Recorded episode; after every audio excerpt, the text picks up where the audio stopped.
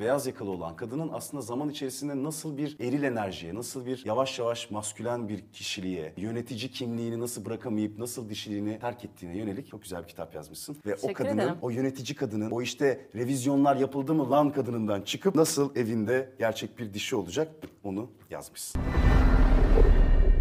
Arkadaşlar İnce İşler kanalına hepiniz hoş geldiniz. Yanında Gülen Gündüz Yılmaz var. Kendisi bütün güzelliğiyle ışıl ışıl yanımızda duruyor.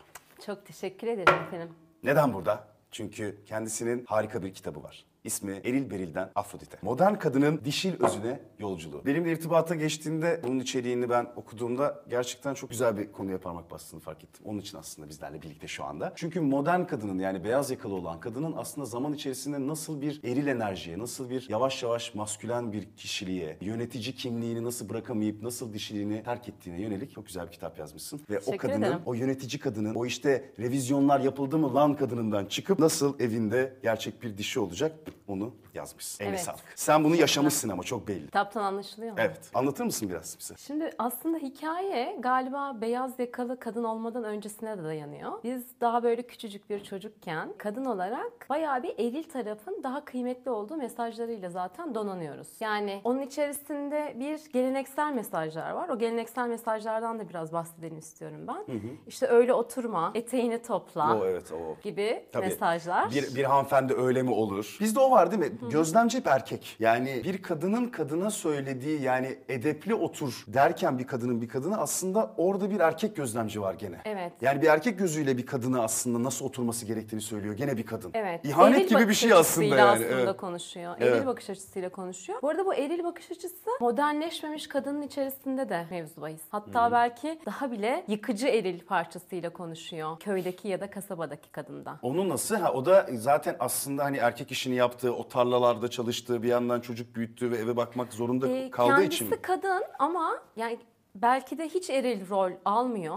Hani tarlada çalışıyor olabilir ama evin içerisinde o belki bayağı kadın rolünde, dişil rolünde. Ama ne yapıyor o kadın da? Kendisi erkek çocuğu olsun istiyor mesela. O da aslında eril bakış açısı. Yani eril daha değerli. Pek çok toplumda aslında bu bizim ataerkil düzenden tarihsel getirdiğimiz antik bir düşünce artık bence. Antik bir düşünce, Şu anda yani bütün şeylere sor, bence ailelere sor. Hani şey vardır ya kız evlat bakar. Yani erkek evlat çünkü benim mesela bir arkadaşım var. iki tane erkek çocuğu vardı. Sonra bir tane kız çocuğu oldu. Özgür biz evde hayvan besliyormuşuz dedi bana. Alena. Kız çocuk olduktan sonra. Ya doğru. O yüzden şu an yani modern erkeğin bence hani o bence antik bir düşünce. Çünkü çocuk hani eve bakar, tarlada çalışır, iş yapar filan ama mesela ben gidip baktığım zaman işte Ege'nin köylerine, Karadeniz'in köylerine filan erkeklerin hepsi kahvede. Yani gayet kadın çekiyor, çeviriyor aslında. O yüzden bence hani biraz antik bir düşünce olarak kalmaya başladı. Sen ne düşünüyorsun? Şimdi ben şöyle düşünüyorum. O antik düşüncenin bizim yani senin de benim de içimde hala varlığını sürdüren parçaları olduğuna inanıyorum. Zaten bu eğitimlerde falan da kitapta koyduğum alıştırmalarda da aslında bayağı bir gel bir oralara bakalım. Gel bilinç dışında neler oluyor?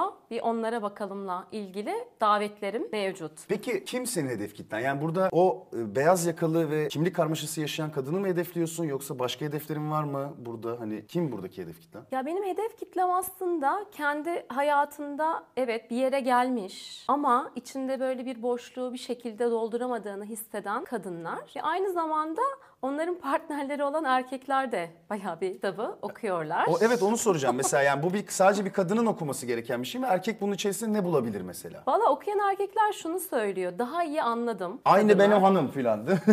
Aynı benim hanım da var, şey de var ama hani nereden geldi de kadın böyle oldu. Onu anlamanın verdiği böyle bir hani karşılıklı anlayışın verdiği bir mutluluk vardır ya. Yani orada çözüm bulmana bile gerek yoktur. Aa ben seni anladım. Senin acını gördüm. Böyle bir kalpten kalbe bir bağlantı vardır. Bilmiyorum söylediğim Yo- anlam ifade etti mi? Yo etti. Çok dişil olarak ifade ettin yani. Ben şey erkek olarak çünkü beyin böyle gayet mühendislik şey çalıştığı için. Ama doğru haklısın. Zaten bence çağımızın en büyük problemlerinden bir tanesi bu. Yani kadının iş gücüne katılmasıyla birlikte özellikle. Hani eskiden kadın için şuydu yani kadın çocuk bakar, ürer. Hani nüfusu dengelemeye çalışan bir Evet. doğur, doğurgan bir mekanizma gibi görülüyordu toplumda. Evet. E şimdi savaşlar bilmem ne ve onu bırak artık fizik gücünün dışında zihin gücünün daha çok öne çıktığı bizim beyaz yakalı dediğimiz sektörün gelişmesiyle birlikte e, kadınlar da iş gücüne dahil oluyor ve bugün baktığın zaman eve hatta bazı pek çok eve şu anda her ne kadar TÜİK tarafından aslında tam olarak anlatılmasa da pek çok eve aslında kadın daha çok gelir getirmeye başladı özellikle metropollerde. Ve bu kadında şeyi yarattı. Ben kimim şu anda? Çünkü gene ataerkil düzenin içerisinde var olan o beyaz yakalı düzen gene ataerkil ve orada var olmak için eril olması, işte alfa bir kadın olması, bir asen olması Gerekiyor, gerekiyor. E, evine gidiyor. Evinde şimdi hani küçük mezeler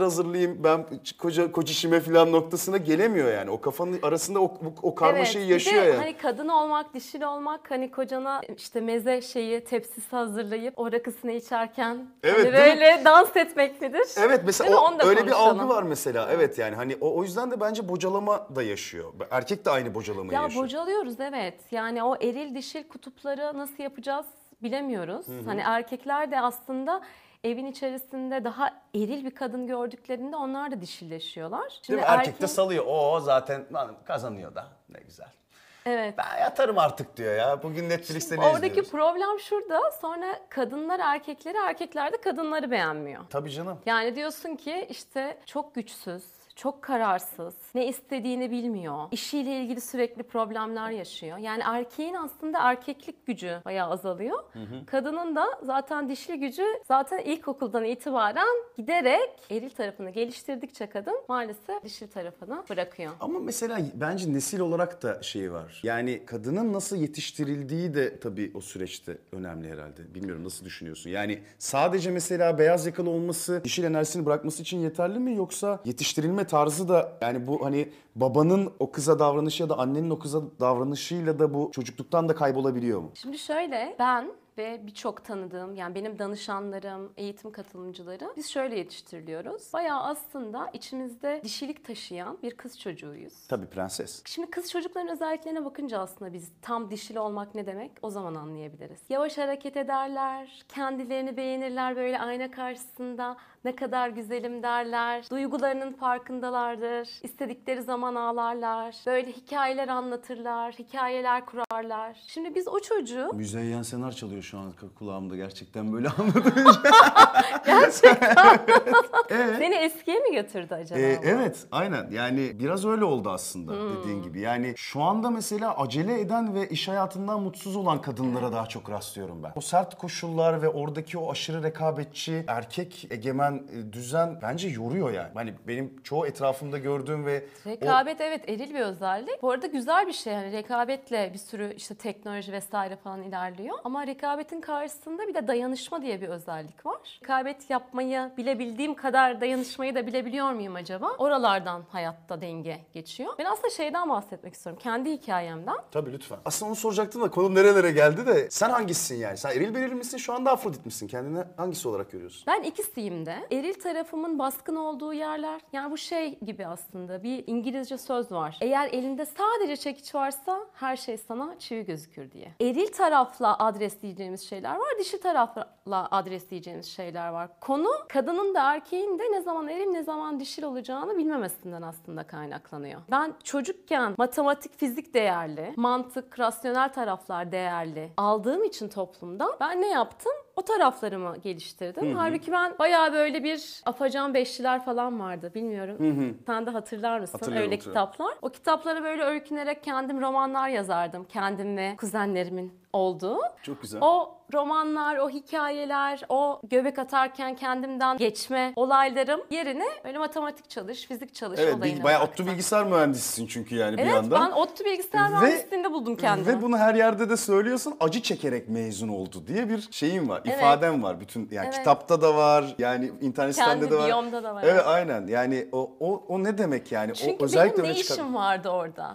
Yani ben aslında başka şeylerden zevk alan bir insan iken bunlar daha değerli. Yani benim zamanımda hele benim yaşım da senden zannediyorum biraz büyük olabilir. Kadınların yaşı sorulmaz Gülencim. Şimdi aramızda şey yapmayalım. Benim zamanımda Senin yavrum. zamanında evet. Tek kanallı zamanlar. Sözelciler, sözelciler değerli değildi. Değildi değil mi? Şu anda aslında daha değerli olmaya başladı. Biraz önünde geçti ama anladım. Yani illa mühendis ol, doktor ol. Oğlum sinemayla, televizyonla uğraşma. Ya o filan. opsiyonları ben değerlendirdiğimi bile hatırlamıyorum mesela. Hmm. Annem doktor olmama çok böyle baskı uyguluyordu. Bende de işte o zamanlar 15-16 yaşlar daha böyle ergen yaşlar. inadım inat yaparak mühendis oldum. Sonra dedim ben bu mesleği yapamayacağım. Yani oturup o bilgisayarın karşısında kod yazamayacağım. Mesela şu anda da şunu da söylemek istiyorum. Bak şu anda mesela elinde altın bilezik şimdi. Ne Değil kadar mi? alıyor bir kodcu biliyor musun sen? Hiç burada oturuyoruz çekiyoruz hiç. bir de Ya, rahatlar. Bir de Neyse. bir şey diyeceğim. Ee, şimdi mesela kodlama yapsın, kızlar kodlama yapsın falan diye de bir baskı var ya. Yine biz kızların da hani futbol oynasınlar, kodlama yapsınlar. Biz yine kız çocuklarını da acaba kendi isteklerine, dileklerine uygun bir şekilde mi yönlendiriyoruz? Yoksa onları eril dünyanın ittirdiği şekilde kız Evet. çocukları da kodlama öğrensin mi yapıyoruz? Evet kız çocukları da öğrensin bence zaten dünyanın en saçma ifadesi yani. Ne farkı var aslında temelde? Zaten şey noktasında yani kadınlar da bunu yapsın. Dediğimiz anda ayrımcılık başlıyor zaten. Ayrımcılık evet ne- başlıyor. yani neden? Zaten dünyanın en doğal şeyi değil mi yani? Hani isterse yapsın yani. Hani burada bir şey ya kızlar da kodlama yapsın filan. O baştan zaten mansplaining denilen bir hikaye o işte yani. Ya biz yapıyoruz erkekler olarak da hani kızlar da yapsın gibi bir hava oluyor. Halbuki yani dünyanın en doğal şeyi. Ben senin videondan sonra daha bir araştırma isteği doğdu içimde mansplaining ile ilgili. Onu çıkaran kadının aslında yaşadığı bir hikayeden olay kaynaklanıyormuş. Kadın bir konuda kitap yazıyor. Şimdi adını da hatırlamıyorum kitabın. Ve bir adam kokteyl partisinde yanına gelip diyor ki işte merhaba merhaba. Ondan sonra bilmem ne konusunda kitap yazdım diyor kadın. Adam da diyor ki bilmem ne konusunda araştırıyorum diyor. Adam da diyor ki aa o konuda bir kitap var ve kitabı okumamış ama kitabın üzerinden yapılan bir eleştiriyi okumuş. Kadına onu anlatmaya başlıyor. Başka bir kadın geliyor. Diyor ki o kitabın yazarı bu kadın. Adam onu duymuyor ve konu hakkında konuşmaya devam ediyor. Yani kadının uzman olduğu ve yazdığı kitap üzerine kadına ders veriyor. Bizde o var ya gerçekten. İyi ki o videoyu çekmişsin. Ama herkes renkli dönemini öyle geçirmiyor. Mesela kadınların en çok sinirlendiği şeylerden biri oymuş yani. Sadece kendine has olan doğum yapmak, regli falan gibi konularda dahi erkeklerin Orada yorum dahi, yapabiliyor evet. olmaları evet, Yani. yani bir garip bir şey. Neyse biz konumuza geri dönelim. Evet, Onlar dönelim. biliyorlar kendilerini zaten İlhanç. Koca kitap yazmışsın neticede. Şimdi ben bunu nasıl özetleyeyim sana diyebilirsin. Bunu demek de özgürsün ama bize özetler misin? Yani bu dişili biz nasıl çıkartıyoruz dışarıya? Benim iki tane aslında ana yöntem söyleyebilirim kadınlara. Bir tanesi kendi içinizdeki çocukla çalışmak. Niye kendi içinizdeki çocukla çalışmak? Kendi içindeki çocuk işte 5 yaşında, 8 yaşında, 10 yaşında o kadar çok dişiliğini kapatmalısın mesajı alıyor ki o çocukla çalışmazsan ve onu güvende hissettirmezsen dişiliğini zaten çıkaramıyorsun. Hani şimdi sorarsan güvende hissediyor musun kendini? Evet. Kendini dişil olmanın güvenli olduğunu düşünüyor musun? Tabii ki. Yani rasyonel olarak öyle düşünüyoruz. Ama hadi gel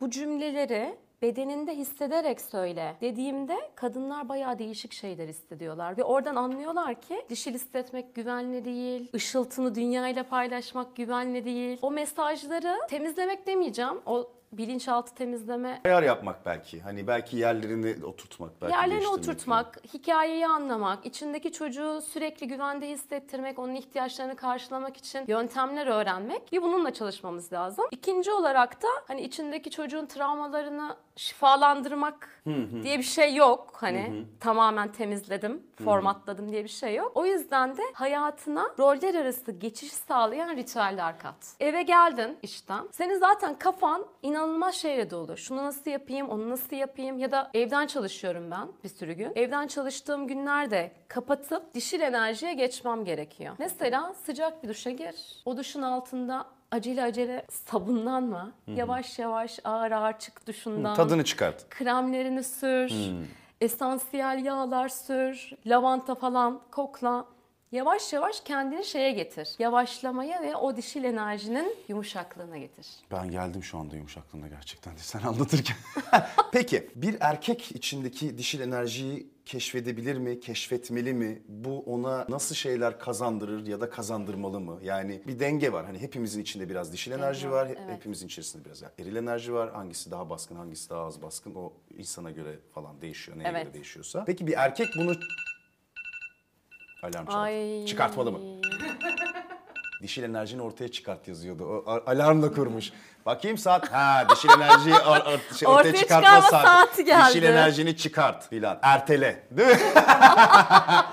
tamam 5 dakika Şu sonra an çıkarırım değil. ya. Üf, Geri dönelim soruya da o bir erkek çıkartmalı mı? Bu erkeğe nasıl avantajlar ya da dezavantajlar Ya sağlar? bir erkek çıkartmalı. Bu arada ben birçok erkek yöneticiyle dişilik üzerine çalışmalar yapıyorum. Nasıl çalışmalar koşullarda. Şimdi dişilik özelliklerine baktığında belki de bir numarada duygular var. Yani biz duygulara şöyle bakıyoruz. Ya duygularını bastırırsın ya da onları böyle ortaya çıkarırsın. Ama şey bir şekilde, kontrolsüz bir şekilde. Genelde de hani yönetici olarak baktığın insanlar bu kontrol konusunda daha başarılı Doğru. insanlar oluyorlar. Ama onu bastır bastır nereye kadar? Tabii. Sonra işte ülster olarak, bel fıtığı olarak sana Aynen. bunlar geri dönüyor. ya da Hemoroid ani patlamalar gibi gibi. Aynen. O yüzden o duyguların aslında mesajını anlama, sana hangi ihtiyacını söylüyor, onları duyabilme, Erkek adam ağlamazı bir kenara bırakıp onlarla kenara barışma. bırakma, onlarla barışma üzerine çalışıyoruz. Biz de çok acı çekiyoruz Gülencim gerçekten diye. E çekiyorsunuz tabii. Öyle tabii canım Yani biz de mesela yani şey yapamıyoruz ki hani böyle rahat rahat toplum içerisinde ağlamak, Evet. bir kadının karşısında ağlamak falan hep şey var yani. Güçlü erkek hem çiftleşilebilir erkek hem de takip edilen alfa erkek olduğu için e biz ne yapalım yani? Biz de gidip kendimiz köşelerde ağlıyoruz yani. Biz, Ya biz- doğru bize bir de, de bize şey de acıyın ya. yani şimdi yüzeyde kadın eziliyor onu görüyoruz biz ama ezenin de aslında acısını anlayabildiğimizde ezen ezilen problemini o denklemi çözebiliyoruz. Bak mesela benim çok unutamadığım bir anım var ilkokulla ilgili. Şimdi ben bir devlet okulunda okudum. Böyle dört kişilik sıralarda oturuyorduk. Yani ortadakilerle böyle yer değişiyorduk yazabilmek için. Ve her kesimden insan vardı. Yani işte çok zengin bir ailenin çocuğu da vardı. İşte apartman görevlisinin çocuğu da vardı her neyse. Ve sınıfta bir boş derste hani üç tane kategoriden ders alabiliyordun. Biri satranç, biri futbol, biri de bale. Ortada olanlar yani ne onunla ne onunla ilgilenenler yani kafayla ilgilenenler satrancı seçiyorlardı. Kızlar baleyi seçiyordu, erkekler futbolu seçiyordu. Yani zaten dağıtılmıştı o da hani bize sanki seçme hakkı Evet. veriliyormuş gibi oluyordu. Bir tane Mehmet diye çocuk vardı. Soyadını hatırlamamakla birlikte. Böyle naif, sessiz. Yanlış hatırlamıyorsam bizim bir alttaki e, apartman görevlisinin falan çocuğuydu galiba. Yani tam hatırlamıyorum ama böyle güzel sarışın, renkli gözlü falan böyle bir çocuktu. Bale seçmek istedi. Herkes tek tek kaldırıyor. Bale dedi çocuk. Bayağı dalga geçtik. Yani ben zaten ben de çok o, o yapımı çok ah almışlığım var öyle Yan- yatacak yerim yok benim o konularda ama yani şimdi düşünüyorum sonra hoca da dedi ki yani Mehmetçim yani ya hani bale seçme çünkü bir tek o erkek olarak Olmaz. seçmişti. Yani ya satranç ya futbol seç falan dedi çocuk "İyi, peki o zaman satranç falan dedi. Ben şu anda düşünüyorum belki çocuk Tansa Türk olacaktı ve orada şak diye kesti yani bunu aslında toplum onun için. Yani erkeğin içindeki o acıyla temas Şimdi ettik. çocuğu düşünüyorum aynen. Belki çocuk gerçekten içeriden bunu... Ya, dünyanın en doğal şeyi çocuk bale yapmak istiyor olabilirdi yani ama onun sadece dişil enerjiyi ortaya çıkartması yetmiyor yani ona gelmek istiyorum. Yani toplumun da o dişil enerjiyi kabul edecek belki bir düzeyde olması gerekiyor. Ya şimdi tabii bana koçluğa gelenler böyle 40 yaş plus olduğu için genelde onlar zaten eril tarafıyla yapacağı şeyi yapmışlar. Yani zekasıyla, şey zekasıyla yani IQ anlamındaki zekayla bir yere kadar gelmişler. Artık duygu çalışmak istiyor. Çünkü bir elemanına çok içten içe öfkelendiğini ve bunun normal olmadığını fark ediyor. Oralarda çalışmaya başlıyor aslında. anladım. Şimdi 40 yaşında, 30 yaşındaki insanlar artık hani istese baleye de gidebilirler. Yani ben o yüzden şeyi de söylemek istiyorum. Biz artık o 5 yaşındaki, 10-15 yaşındaki savunmasız insanlar da değiliz. Ama şimdi sen 40 yaşından sonra baleye gitsen ne olacak ki? O çocuk orada aslında yani orada balet olabilir. Sence 40 yaşından sonra kim balet olacak? Ya Allah aşkına. Hani sen keşfetmişsin falan ama yani hani bunun sadece senin yaptığın bu beyaz yakalı düzeyinden belki çocuklar noktasına da belki indirmek. Ne düşünüyorsun bu konu hakkında? Yani bunun pedagojik bir tarafı da var mı? Çocuklarda da bu böyle keşfedilebilir mi? Yoksa bunu sadece Var büyükler mi ama yapabilir? onu önce senin kendi içinde, anne baba olarak kendi içinde çözmen lazım. Hı, anayı babayı eğitmek Yani lazım. anayı babayı eğitmezsen zaten çocuk rol model olarak onlara bakıyor ve onlardan öğreniyor. Yani çocuğa ne söylediğin önemli değil deriz ya. Konu orada.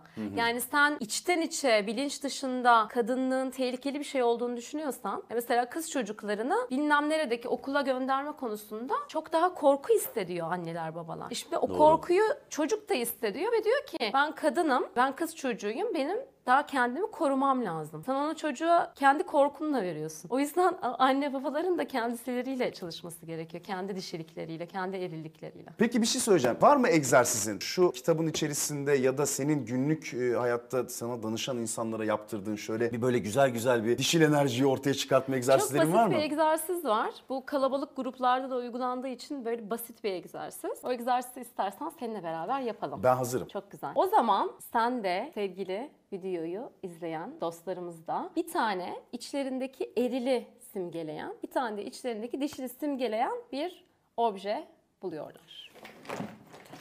Bu benim erkek objem. tamam mı? Onu yalnız elinde taşıman gerektiği için bütün çantayı taşımak zor olabilir. Şö- Birazcık. şöyle yapayım ben o zaman. Gerçekten. İnanmıyor.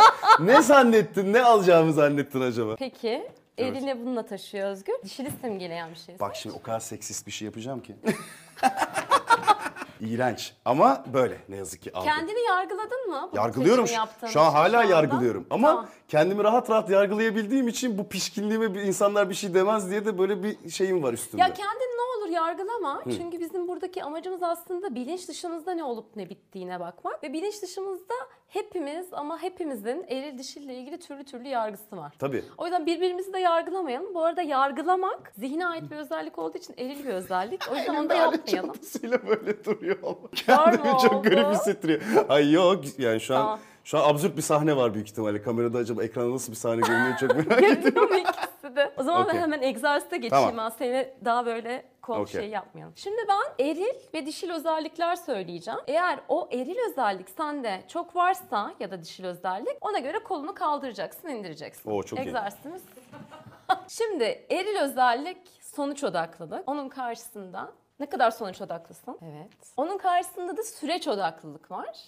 Sonuç odaklılık deyince hepimiz biliyoruz nedir sonuç odaklılık diye. Süreç odaklılık deyince bir anlatmam gerekiyor genelde benim. Sonuca koşarken kendini, zihnini, bedenini, ruhunu gözetebiliyor musun? Başka kaynakları gözetebiliyor musun? Yoksa sadece o sonuç için yani bedenini de ihmal edebiliyor musun? Zihnini, ruhunu da ihmal edebiliyor musun? Edebiliyorum evet. O zaman nasıl buradaki denge? Bu, bu yüksek. O yüksek. Bu düşük. O zaman hemen ikinci özelliğe geçelim. Düşüncelerini mi daha çok dinliyorsun? Eril özellik.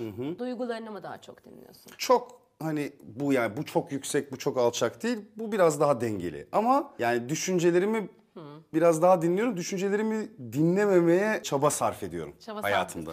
Seninle şunu konuşmuştuk ya sen de yazıyordun aklındakileri. Oraya yazarken ne kadar duygu ne kadar düşünce var mesela? O güzel bir gösterge de olabilir. Yazmaya başlarken bir düşünceyle başlıyorum. Başlıyorsun. Ama yazmaya başlayıp biraz üzerinden vakit geçtikten sonra o bir şeye dönüşüyor. Duyguya dönüşüyor. Sonra dur lan ben neredeydim, konudan koptum deyip tekrar onu aslında... Eril taraftan Aynen yani gene bir düşünceyle başını sonunu birbirine bağlıyor. Çok güzel. Yani ortaları duygu, başı sonu düşünce öyle İşte senin diyebilirim. yaptığın bu çalışmalar aslında senin dişil tarafını da gayet geliştiren parçalar. Üçüncü özelliğe geçiyorum. Lütfen. Hazır mıyız? Buyurun. Ben çok hazırım şu an. Süper Mario gibiyim gerçekten. Aktif olmak, eril özellik. Evet. Durabilmek, dişil özellik. Dişi özellik. Durabilmek. O ben hiç yok bende. O, o, o zaman... Üzerine doğru koy. Evet onu baya... Nefesini tuttun mu demin durabilmek derken? Bilmem. Sen daha iyi bir Nereden gözlemci olduğun için Evet. olabilir. Yani şöyle benim çok zor durabilmem. Spor benim için bir durma eylemi. Yani kafamdaki düşüncelerin Öyle durduğu bir eylem yani. Ben ya durmak ne demek ya? Ben İstiklal Marşı'nda bile böyle sallanırdım ilkokulda özgür. Sadece şu İstiklal Marşı boyunca sabit duracaksın derlerdi. Duramazdım yani. Mümkün değil böyle bir şey benim için. İşte çağımızın zaten bu büyük problemi. Ben de öyleydim. Ama şu anda bayağı bir durabilmelere getirdim kendimi. Ha bu arada mükemmel miyim? Asla. Hatta böyle arada yazdığım şeyler var. Hani oturup böyle 20-30 dakika meditasyon yapan insanlara çok gıcığım Onlara onlar böyle gıcığım. Nasıl yapıyorsunuz abi onu ya? Evet ya. diye. İnşallah bir gün büyüyünce. Büyüyünce, büyü, aynen aynen büyüyünce. iyi bir çocuk olursak belki biz de meditasyonu Peki. görebiliriz Gülen'ciğim. Hemen Var bir özellik. Lütfen. Kontrol etmek. Kontrol etmek. Okey. Eril. Eril. Karşısında ne var? Teslimiyet. Teslimiyet Dişil. güzel. Bence yer yer şey var ya. Bunda mesela o kadar farklı değil. Hani o kadar böyle hani durmak İkisini de ve yapabiliyorsun şey gibi sen. değil. Ama yani kontrol biraz daha yüksek tabii. Özellikle de mesleki olan şeylerde. Hani kendi hayatımla ilgili atıyorum. ya bir tatile gittiğimde mesela bu kadar kontrolcü olmayabilirim. O zaman daha teslimiyetçi olabilirim ama çalışıyorsam, işle ilgili uğraşıyorsam o zaman daha kontrolcüyümdür. Evet. Evet. Son bir tane yapıp Teslimiyet. bitirelim mi? Hangisini seçsem? Ben dübel seçeceğim.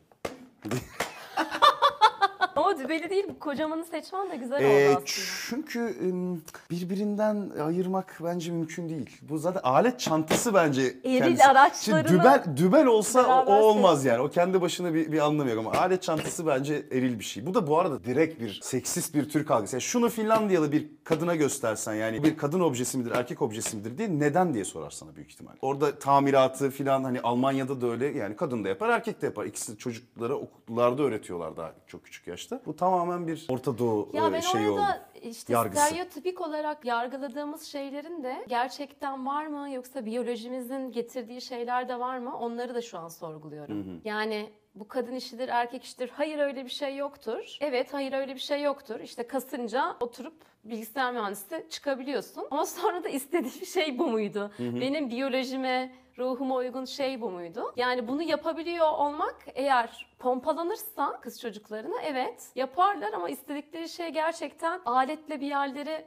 düzeltmeyi mi istiyor kız çocukları? Onu da Bak sorgulayalım. benim hocam var kameranın arkasında duruyor. O mesela işte boya badana yapar, tamirat, e, tadilat hepsine Ne hakimdir güzel. filan. O ama o yetiştirilme tarzı işte. Son özelliğe gelip Evet. bitirelim mi? Lütfen buyurun. Ne kadar gelecekte yaşıyorsun. Yani aklında böyle projeler var. Eril özellik. Ne kadar o anın içerisinde o an sana ne sunuyorsa kalabiliyorsun. Bence şu ana kadar sorduğun soruların içerisinde bendeki en dengelisi Öyle bu. mi? Tabii. Yani ben bir şey yapıyorsam, yani bir şey yapmaya karar verdiysem, şu anda mesela bunu çekiyorsak ben buradayımdır. Buradasın. Ama bunu çekmeyi bitirdiğimiz yani az, az sonra veda edip kapattığımız noktada artık gelecekteyim. Gece uyurken gelecekteyim ama işte sabah kalkıp spor yapıyorken oradayım. Süper. Yani aslında hareket ediyorken oradayım, durduğum anda gelecekteyim. O yüzden de dengeli. Orada denge var. Evet. Süper.